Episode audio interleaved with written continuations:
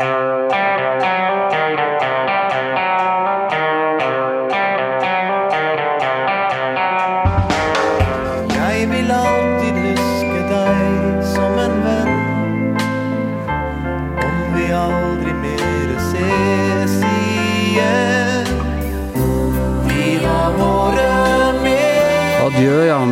Jahn Teigen, og i dag må vi vel bare si at det er bare trist. Uh, Jahn Teigen, rock'n'roller, entertainer, skuespiller, klovn og nasjonalt klenodium er rett og slett død. Svært uventet for de fleste av oss som ikke kjente ham og ikke øh, kjente til hans øh, private helbred, Yngve Kvistad? Ja, Jan har jo vært eh, ganske lenge. Det vet vi jo. Han har jo også hatt eh, eh, eh, han har sagt problemer med å, å, å komme på en del tilstelninger som har vært til hans ære de siste årene. Eh, Nå sist i forbindelse med hans eh, 70-årsdag. Eh, han har jo vært åpent med, med sine leddgiktplager og en del andre ting som han har eh, slitt med, så det er jo ikke det at det ikke har, at det, at det, at det har vært helt nytt, men eh, men eh, så gjennom at, at tida har gått, og det er en del år siden han var virkelig i rampelyset, da, i- og ikke minst i rampelyset her i VG. Uh, hvor han var en, uh, både i VG og i rampelyset ellers en veldig sånn dominerende faktor i mange, mange år. Ja, og det er det vi skal snakke om hele, hele denne utgaven av, øh, av Giæver og gjengen. Og aller først da, hjertelig velkommen til deg, Morten Stensland. Velkommen tilbake til VG, må vi nesten si. Jo, takk. Uh, Morten Stensland, altså uh, journalist i, eh, i VG i rundt 20 år, og hele tiden på rampelys. Eh, Nja, ikke hele tida, men det var der jeg trådte barneskoene. Det var der jeg ble lært opp, og ikke minst så var det der jeg traff eh, Teigen profesjonelt for første gang. For, og du hadde et slags hovedansvar for Jahn Teigen eh, i avisa? Ja, jeg, jeg fikk det etter hvert. Altså, det ble jo i perioder sånn eh, på begynnelsen av 80-tallet, så blei det jo så mye at jeg fikk beskjed om at nå, nå, du kan ikke skrive mer om dem. Nå må du slutte opp, liksom. Men eh, jeg på å si problemet, eller eh, det fine med Teigen og co., for dette var jo Teigen og Primavera og Anita Skorgan, og det tok jo aldri slutt. Eh, Det var jo at de, de fant på noe hele tida. Det var noe hele tida. Det var turneer, det var show, det var Primavera-plater, det var Teigen-plater, det var duetter med Skorgan, og det blei giftermål, og det blei barn. og altså, Som sagt, det tok aldri slutt, så det ble veldig mye i noen år der. Og dette var parallelt med at VG vokste til å bli Norges eh, største avis. Passerte Aftenposten i eh, Det var jo bare papiropplag eh, den gangen. Og ja, det var jo, det var jo mange eh, ting som utgjorde den suksessen, men Jahn Teigen må kunne sies å ha vært en egen faktor i eh, den opplagssuksessen som VG var eh, på 80- og 90-tallet. Ja, det ville han helt sikkert satt pris på å høre. Men, men ja, altså Jahn Teigen var enormt populær på 80-tallet. Eh, alt han tok i blei jo suksess, i hvert fall til å begynne med. Og VG nøt godt av det. Bevare meg vel. VG ga jo ut Altså, VG lagde en egen liten avis etter bryllupet. Eh, som ble trykt opp eh, på kvelden og delt ut til alle bryllupsgjestene på natta på bryllupsfesten med bilder og tekst. Så dette var ikke noe spøk, altså. Og de gangene han ikke gjorde suksess, så klarte han å gjøre det til suksess òg. Det var vel noe av trikset hans, var det ikke det? Jo, altså det var jo sånn det hele starta, egentlig, da, med, med Nullen og Grand Prix. Men det er klart han hadde noen perioder der når han skulle bygge pyramidehus i Tønsberg og litt sånn, hvor han ikke var så veldig høy i hatten. Eh, og VG hadde jo noen oppslag. Eh, det var vel ett, sto det 'konkurs' eh, på hele forsida med et bilde av Jan der han egentlig skulle skjære grimaser, men han så eh, han så rarere ut enn det han ellers gjør. Og, og det var en av de få tingene med VG han ikke likte. Det oppslaget der, det syntes han var fælt. Eh, Vi skal, tenkte vi kunne gå litt gjennom eh, karrieren hans sånn skritt for skritt, men aller først så skal vi snakke litt med en av de som eh, jobbet mye med ham, og særlig i de eh, overgangsårene mellom den tiden han var rock'n'roller og før han ble denne nasjonalartisten. Hei, hei. Tom Mathisen, god dag. God dag, god dag, god dag. Du var en nær samarbeidspartner med, med Jahn Teigen i mange år, og ikke minst kjent gjennom samarbeidet i, eh, i Primavera. Det er helt riktig. Vi jobbet sammen i ja, nesten ti år med Primavera. Og da dere startet med det, da var den typen komikk, må man si, altså britisk inspirert, Monty Python, The Goodies og sånne ting, det var bortimot ukjent i Norge? Ja, altså det var jo sånn at vi nesten ikke kjente ikke til Monty Python, så er vi heller. Selv om det er veldig mange som trodde at vi var veldig inspirert av dem, så kjente vi ikke de til, til de så godt. Så det, det var ganske nytt her i Norge. Og hvordan var det dere begynte å jobbe sammen, øh, og, og fant fram til denne felles humoren? Du, altså, jeg var jo veldig fan av Jan når han eh, var i Populvur. Og, og Jan var veldig fan av, av meg da, når jeg hadde med visegruppen Snu. Og, eh, og så var vi fan av Falsk. Han var Jonas Fjellbanen. Så, så vi var fan av hverandre. Og så kom det til et samarbeid når i 76 begynte vi å, å jobbe sammen. Og denne, hva skal man si, eh, det som da ble kalt crazy humor, øh, sammenfalt med at dere, dere, gjorde ganske mange stunts. Jeg husker da dere gikk i grønne strømpebukser ned Karl Johan øh, foran Stortingets åpning i det må vel ha vært 78-79, og dere øh, klarte liksom å kapre oppmerksomheten på en helt øh, egen måte. Hvem var liksom motoren i å finne på disse stuntene?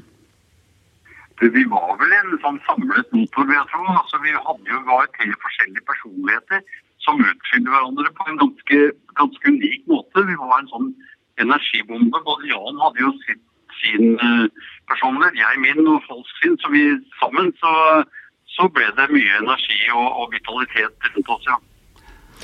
Men eh, akkurat det bildet som du refererer til der, det er faktisk VG som tok initiativet til det bildet. Det er medieregissert stunt, dette her, altså? Ja, det er jo det. Det, det var faktisk det, det, det var det. Altså, det var vel Sigurd Eidsøren som tok det bildet i sin tid. Og, og, og vi hoppet ut blant uh, garden på, på, midt på Karl Johan der, og det, det var ganske spesielt, ja. Det hadde nok ikke gått så greit i dag. Og det var fordi dere hadde fått sensurert den første, første coverutkastet, var det ikke det? Hvor dere hadde stilt opp sammen, eller stilt opp sammen, manipulert dere sammen med kongefamilien? Ja, det er riktig. Vi var avbildet sammen med kongefamilien uten at de egentlig var klar over det. Så, så, så det ble jo litt, litt, rundt det, da, kan du si. Men det roet seg jo ned. Og hvordan, hvordan vil du huske han?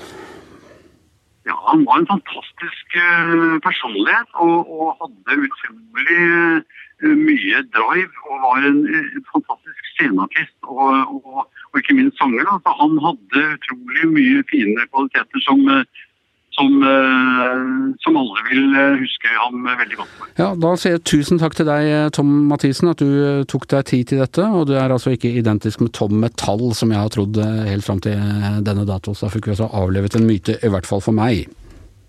Ja, men det er greit. Ja, men i like måte, takk skal du ha.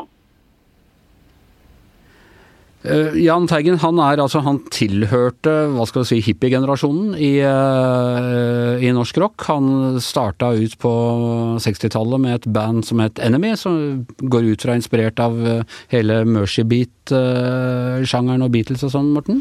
Ja ja, det var Beatles som, som tok Jan.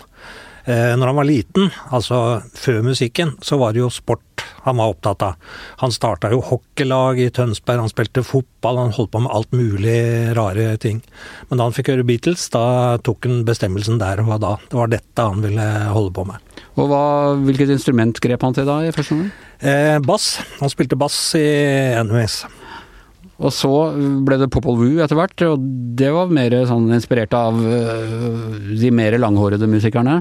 Ja, men det var et lite mellomspill der som kan være greit å få med seg. For det etter NMS, så eh, dro Jan til Oslo. Han jobba en del på et sted som heter Rondo her, hvor han eh, drassa rundt på en svær båndopptaker som han sang til. Eh, etter hvert så Og da er vi på sånn slutten av 60-tallet, eller? Eh, ja, det er vi vel da, ja. Ja, selvfølgelig. Eh, men så eh, ble en tilbudt en jobb i et engelsk band som heter Red Squares, som holdt til i København. Så da spilte han der en periode, og det var litt ordentlig popstjerneliv.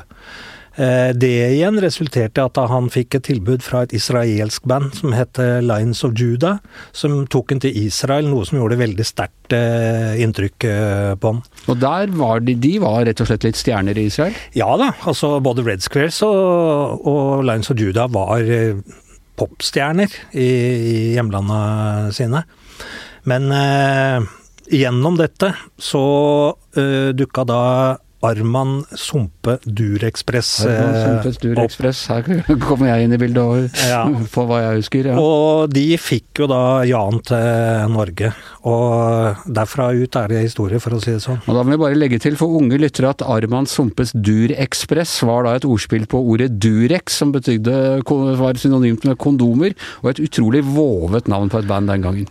Ja, men eh, nesten enda morsommere er jo at Arman Sumpe er egentlig et eh, synonym for Reidar Myhre. Som er Wenche Myhres bror, for han spilte trompet, tror jeg det var, i første utgaven av Arman Sumpe.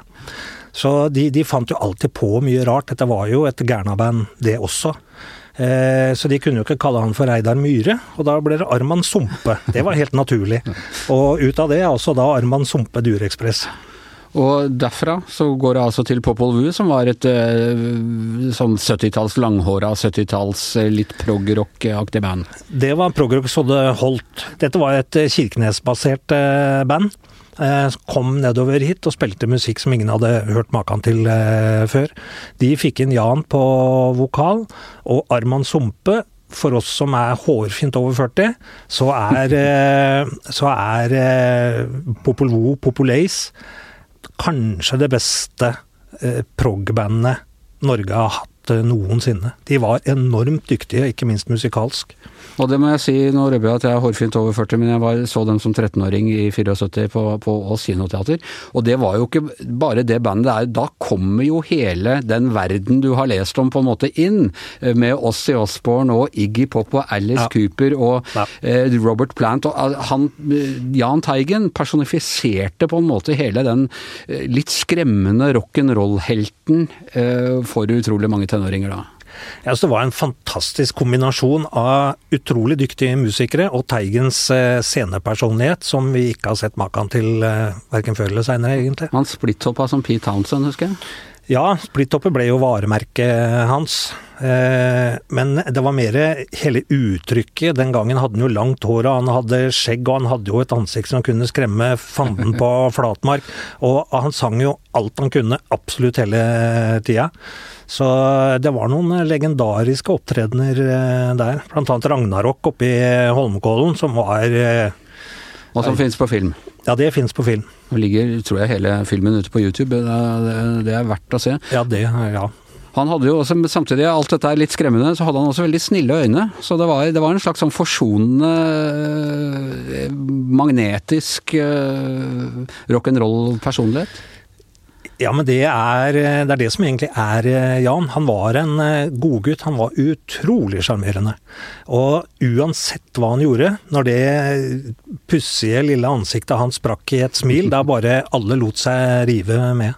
Men så skjer det altså da en, en helt øh, et, øh, jeg holdt på å si paradigmeskifte, men altså en total forandring i, i Jahn Teigens karriere. Først er han jo da i Skremmer han vannet av gode TV-tittere i Norge, da vi bare hadde én TV-kanal han stilte med skjelett- eh, skjelettkostyme i Grand Prix, og det var vel det sånn 75-76? 76, ja. Ja. Det virker veldig tamt i dag når jeg ser det. Han står der med Inger-Lise Rypdal, men den gangen var jo Vi fikk jo bakoversveis over hele Ja, da, det var jo Terje Rypdal som hadde skrevet eh, låta, så dette var jo ikke Det noe fire, var ikke noe fire fjerdedel med vers og refreng, dette her. Nei. Altså, her gikk det unna. Ja. Så, ja. Og han sto i et sånt eh, skjelettkostyme, og det vi hadde ikke sett maken i Grand Prix, som da var bare at eh, artistene kom inn og liksom bukket og neiet og sang en pen sang og Ja. gikk ut igjen. Han fikk jo ikke lov av NRK å ha på seg det kostymet, så han tok det på seg likevel. Tok en sånn svær cape over. Det så idet sendinga, som jo selvfølgelig var direktesending, starta, så bare reiv han av seg capen, og der sto han. Og det ser man også, jeg tror også dette klippet ligger på YouTube, eller så finner du det på, på NRK-spilleren. Du ser jo liksom da at han, han bare flasher dette plutselig, og det, det går et gisp gjennom, eh, gjennom landet. Men, men altså, i, i, og nå dette sammenfaller omtrent med at du begynner i VG, så hadde, så øh, drar han da med mil etter mil til vinner vinne Grand Prix. Uh, og lang historie kort, han taper den uh, og får null poeng.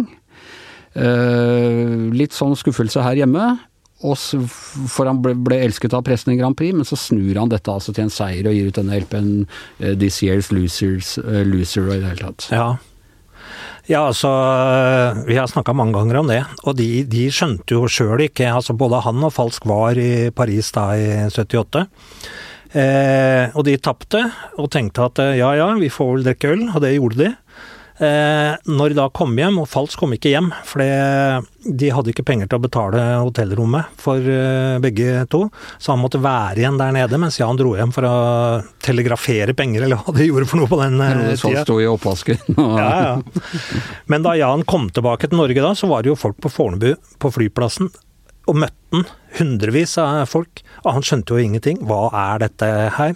Og det gikk opp for dem allerede da første dagen hjemme etter det, at folk i Norge var på Jans parti. De syntes Europa og juryer og alt mulig rart kunne bare gå og skamme seg, for Teigen, det var gutten sin. Det var litt og, sånn sjølråderett-genet som kicka ja, inn på nordmenn der? Ja, ikke tull med nordmenna, liksom. Eh, og den fikk Jan til fulle, fordi folk lot seg sjarmere. Eh, og det skjedde over natta, faktisk. Og så var gutta da så smarte at de skjønte at eh, ok, dette er jo bare ball. Vi har jo egentlig vunnet. Og så kommer da de Sears Loser-plata og de Jeg tror de dro på en turné med Primavera, var det første de gjorde etter at de kom tilbake igjen. Som altså var denne humortrioen han var med i? Nettopp. Og da, altså Ja, da skjønte de heller ikke noe. De kjørte rundt. Jeg tror Jan hadde Chevrolet da òg, ja. Han har alltid likt svære biler. En sånn Chevrolet Caprice. Eh, da kjørte alle gutta rundt i samme bilen. Eh, og så kjører de inn til et eller annet sted, om det er Lillestrøm eller hva vet jeg. Eh, og så står det altså 1000 mennesker og venter på dem. Og skriker og hyler og holder på, og de bare, de bare ser på hverandre og skjønner at ok, her har noe skjedd. Og så gikk det da slag i slag. Og på den tiden så hadde vi da også fått, da hadde Knut Håvik slutta i VG og starta Se og Hør. Eh, og VG var i ferd med å bli en eh, mye større avis og, og forandre kulturjournalistikken i Norge med mer sånn underholdningsrettet og kjendisrettet og personrettet. Og Teigen var liksom den helt rette figuren i denne miksen. Ja, absolutt som jeg sa i stad, det, det, skjedde jo noe hele tida. Og de var, eh, de var veldig bevisste på å bruke media også. Eh, Skapte gode personlige relasjoner til dere som eh... Ja, det var nå én ting, men det som er viktig, var at de skjønte hva vi ville ha. Altså, når de eh, skulle lansere en plate eller en turné eller noe sånt, så ringte de på forhånd og så sa hva slags bilde vil du ha. Så tenkte vi høyt og fant på et eller annet som var morsomt, og så ble det bildet rigga, og da var VG fornøyd. Det bildet måtte jo brettes ut over i hvert fall åtte spalter, og da var det to spalter igjen til høyre som jeg måtte fylle med tekst, og det gikk av seg sjøl. Så det, det er, dette er jo en av grunnene til at det finnes så utrolig mye morsomme bilder av dem i, i arkivet her. Ja, det er eh, bare å gå på vg.no nå og finne store billedkavalkader med, ja. med et liv i, liv i, eh, utvikling. Uh, hva tror du, Yngve? Hvordan, uh, hvor mye var Teigens sånn, personlighet og hans evne til å kommunisere også med journalister med på å gjøre ham til dette pressefenomenet? Selvfølgelig veldig viktig det, at han, eh, som Morten sier, at han, han skjønte hva, hva, media ville ha. Men så var det også med noe med Jan at han, altså, han var tilgjengelig. Altså Sjøl når det Sjøl når det blåste kaldt, så, så, var han jo tilgjengelig altså, og stilte opp. og, og Jeg var imponert mange ganger. Altså, vi, da, vi, da, VG fylte 60 år, så skulle vi jo ha et svært arrangement oppe i Holmenkollen. Og da eh, skulle jeg liksom være eh, VGs representant i den der gruppa, så satt jo sammen med Trond og Trond, uh, Myhre og Li og, og en produser. Og skulle liksom lage et sånt program da, til, til underholdninga der. Og da var jo selvfølgelig VG-lista var jo var en bra ja, krok å henge det på. Uh, og så var det jo Jeg husker ikke helt hva som toppa VG-lista den gangen, da, men, eh, men uh, det var en som sa det at Jeg lurer faktisk om det var meg som sa det, at, at vi hadde vært kult å få med Teigen. Da, men han hadde jo trukket seg tilbake. Han, var jo sånn, dette var jo, han begynte å bli litt uh, Ja, merka sykdommen litt bedre, tror jeg. Og i hvert fall ikke så aktiv lenger. Uh, og så var det Lage som sa at ja, nei, men vi, vi prøver det. Lage seg. Lage Fosheim ja. Eh, og så, etter hvert som vi satt og drodla, så, hadde det vært kult å ha fått med Anita òg. For da hadde ikke de opptrådt sammen på mange, Nei. mange år. Og så liksom sånn, eh, ja, går det an, da? Sånn, ja, skitt, vi prøver. Og så kommer jo til da, showtime, og forestillinga starter. Og Jan jo, går på scenen der, og så sier han jo disse berømte ord at det, det har vært noen forsider. Og så blir jo da alle disse rare forsidene i VG uh, sendt til baksida, inklusive det med, med Pyramidehuset. Og så sier de at ja, det har også vært noen baksider. Og så eh, tørrprater litt om det, og så introduserer en rett og slett altså Anita Skorgan. Og da husker jeg det var ikke Det var stor Nei, Anita jubel, altså. Kom inn på scenen der, Ja, og de synger 'Det er vel adjø' eller et eller annet sånt, og det var ikke et øye tørt Nei, det var helt fantastisk, altså. Og det som skjedde etterpå, var jo faktisk at de da kom sammen igjen og, og først dro på en juleturné, og så, og så var de jo på en svær turné igjen etterpå, og som også førte til det det livealbumet. da. For vi, altså, dette Morten må vi også snakke litt om. Eh, ekteskapet med Anita Skorgan. Anita Skorgan var da også etablert eh, som artist, og hun var eh, etablert som en sånn ganske pen og pyntelig. Hun kom fra Bærum, hun hadde vært i en melkereklame, og hun var liksom sånn eh, søt, eh, heilnorsk, eh, ikke noe tull-jente. Eh, De opptrer sammen i Grand Prix, eh, og, og det, altså, det bryllupet de hadde da i eh, 1984, tror jeg kanskje det var, det vi måtte til liksom eh, Mette-Marit og Håkon og Ari og Martha og sånn før, før det skjedde et lignende kjendisbryllup i Norge igjen. Ja ja. Nei, det var, eh, det var helt ubeskrivelig. På rådhuset, hele rådhusplassen var full av folk som ville hylle dem. Det var helt eh, Ja, nei, det var en eh, meget spesiell dag. Men forsøkt jeg, jeg skjønner jo at folk syns de er et oddepar, men eh, spør du Anita, så vil nok hun si at den melkereklamen, det burde hun kanskje ikke ha gjort. Jeg syns den var kjempefin, den ligger på YouTube der nå. Ja, men den prega imaget hennes i årtier eh, etterpå. Og eh, det er nok litt nærmere sannheten å si at eh, mens Jan var litt eh, streitere enn han egentlig framsto som i Popol, og mer den vi da fikk se etterpå i Grand Prix-sammenhenger, så er nok Skorgan litt gærnere enn det folk eh, tror også. Så de, de, var et, eh, de var et fantastisk par, de. Og, de, og da de da også fikk eh, barn i året etter, så var jo det også en begivenhet på, på linje med en eh, kronprins eller kronprinsessefødsel. Ja da, her var det bilder i VG og egen sang og alt som skulle til. Og da oppsto det en sånn type situasjon som liksom ble mer kontroversiell akkurat rundt fødselen og, og bildene, og det var Det ble nærmest påstått at det hadde vært budrunde på bildene på sykehuset og sånne ting. Ja. Men eh, de fikk vi, vi sier jeg. Eh, VG? De fikk VG. Det er bra at du tenker sånn ennå, Morten. ja. De fikk vi gratis. Every time you think you're out, we pull you back in. Ja, nettopp. Nei da, men de fikk vi gratis. Eh, Det var så mye pes rundt det der at de bare gjorde kort prosess og sa her er bildet, del det med alle. Ferdig med det. Og så gikk de altså fra hverandre igjen, men, men fortsatte som venner, og til en viss grad da også samarbeidspartnere opp igjennom. Jeg syns det er veldig rørende. for liksom Hver gang eh, det ble snakk om uh, Teigen også i seinere tid, så, og, Jan, og Anita vært intervjua om det, så er jo det er helt åpenbart at du har et veldig sånn varmt og stort og bankende hjerte for uh, Jan. Uh, Sjøl om de gikk fra hverandre i 87 eller hva det var, så, så hadde de jo uh, kontakt. De hadde jo selvfølgelig dattera og, og sånn, men det- det også var nok en, synes jeg, en del av historia om, om Jan. altså og den tross alt rausheten og varmen som var mellom eh, dem. da. Og Det er jo liksom fantastisk nå sånn i ettertid. når vi ser, og I dag så snakker vi om Jahn Teigen som en eh, folkekjær artist. Og det ordet folkekjær jeg mener at det er det mest misbrukte i norsk underholdningsjournalistikk. Det, men akkurat i tilfellet Teigen så, så stemmer jo det i dag. Men, eh, men altså i 76, når han sto der med Først med Gunni Aspaas og så med Inger-Lise Rypdal og sang 'Voodoo' i den skjelettdrakten. Så var det jo mer at uh, foreldra uh, trua sine barn med at hvis ikke du går og legger deg nå, så kommer Jahn Teigen og tar deg. ikke sant? Det var, en, var, var alt annet enn en folkekjær. Men så, men så eh, selvfølgelig, bryllupet med, med Anita Skorgan det er en ting, men også, det skjedde jo sånne ting med en musikalsk. Han hadde jo en vanvittig melodiøs åre. Han lager noen av de vakreste balladene som, uh, som er laga, og som fortsatt uh, spilles i dag. I alt fra barnedåp til begravelse.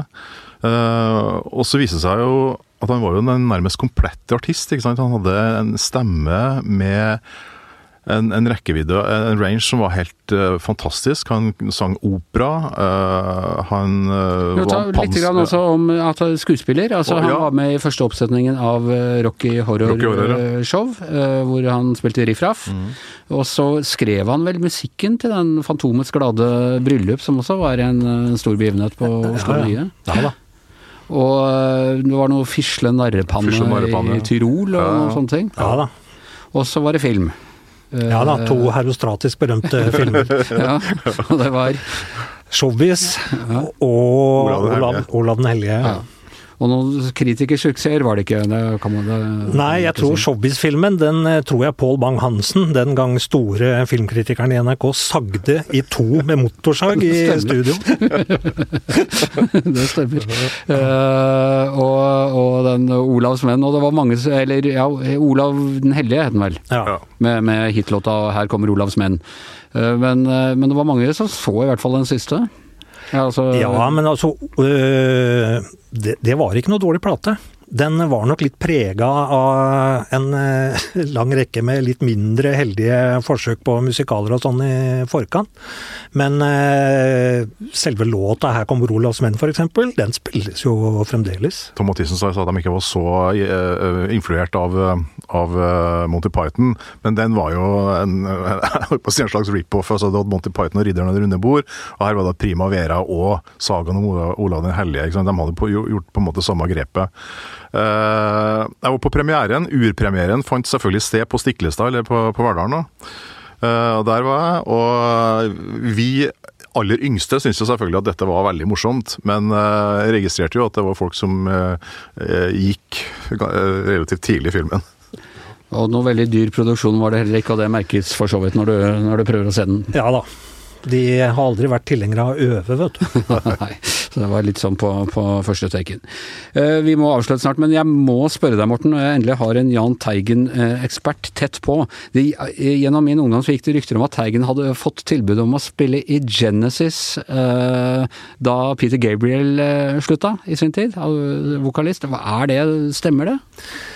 Eh, både ja og nei. Eh, det går masse versjoner av den historien. Det var der. også snakk om Doors da Jim Morrison døde, og jeg har hørt Ja, masse sånne forskjellige rykter. Den har ikke jeg hørt, og den tror jeg ikke stemmer. Men eh, ifølge Tor Andreassen, som var trommeslager i Popol, eh, og den som tok seg av businessen, eh, så eh, var Popol i studio i England og spilte inn eh, Stolen from Time, tror jeg det var. Der kom eh, Mike Rutherford, gitaristen fra Genesis, og snoka i gangene. Eh, og de var helt overbevist om at grunnen til at han var der, det var fordi han ville sjekke ut eh, Jan, i og med at Peter Gabriel hadde slutta i Genesis eh, ikke så lang tid i forveien. Men det kom aldri til noe mer enn småprat, og Jan var da veldig fokusert på Popol. Han mente at Popol hadde en stor framtid, og gikk til gutta og sa det at eh, ja, jeg veit de prøver seg, men eh, jeg satser på dere. Så han prøvesang aldri. Eh, og jeg veit ikke hvor eh, seriøse samtaler det var, men at eh, Genesis lukta litt på Teigen, det eh, stemmer. Var det noe Zappa-greier òg, eller er det også bare sånn jeg har hørt inni hodet? Nei, og det er jo også en historie det går mange rykter om, da, men eh, Popol opptrådte på Kalvøya i 73 sammen med Zappa annet. Og Zappa blei kjempeimponert, selvfølgelig. Zappa er en stor musiker, og Popol var et stort musikalsk band. Så han var interessert i å gjøre noe med dem i USA. Eh, Han tok kontakt via plateselskapet, kom til Norge, tror det var året etter, og hadde møte da med eh, Tor Andreassen og Helge Vestby, som den gangen jobba i, eh, i plateselskapet. Men det som skjedde, var at plateselskapet sa nei. De ville håndtere dette sjøl, og ville ikke gå med på alle de kravene som eh, Zappa ville sette hvis han skulle han putte penger Han var streng, og han var nøye på det. Så eh, det ble stoppa på plateselskapnivå. Ja. Litt synd. Eh, Jeg håper at når vi skal minnes Jahn Teigen nå, at vi husker en del av, den delen av karrieren også. Eh, Virkelig en, en trailblazer av en eh, progressiv rockemusiker i, i veldig mange år, og åpnet dører for mange av oss. Uh, og gjengen er over for i dag. Ble en ekstra lang sending denne her, og det handler ikke noe om politikk eller Trond Giske eller Donald Trump eller noe som helst, for de er mindre viktige akkurat i dag. Tusen takk, Jahn Teigen, uh, for uh, alt det du var for norsk musikk og norsk underholdningsliv, og ikke minst norsk journalistikk. I studio Yngve Kvistad, Morten Stensland, Anders Giæver og vår sørgeseremonimester bak spakene, Magne Antonsen.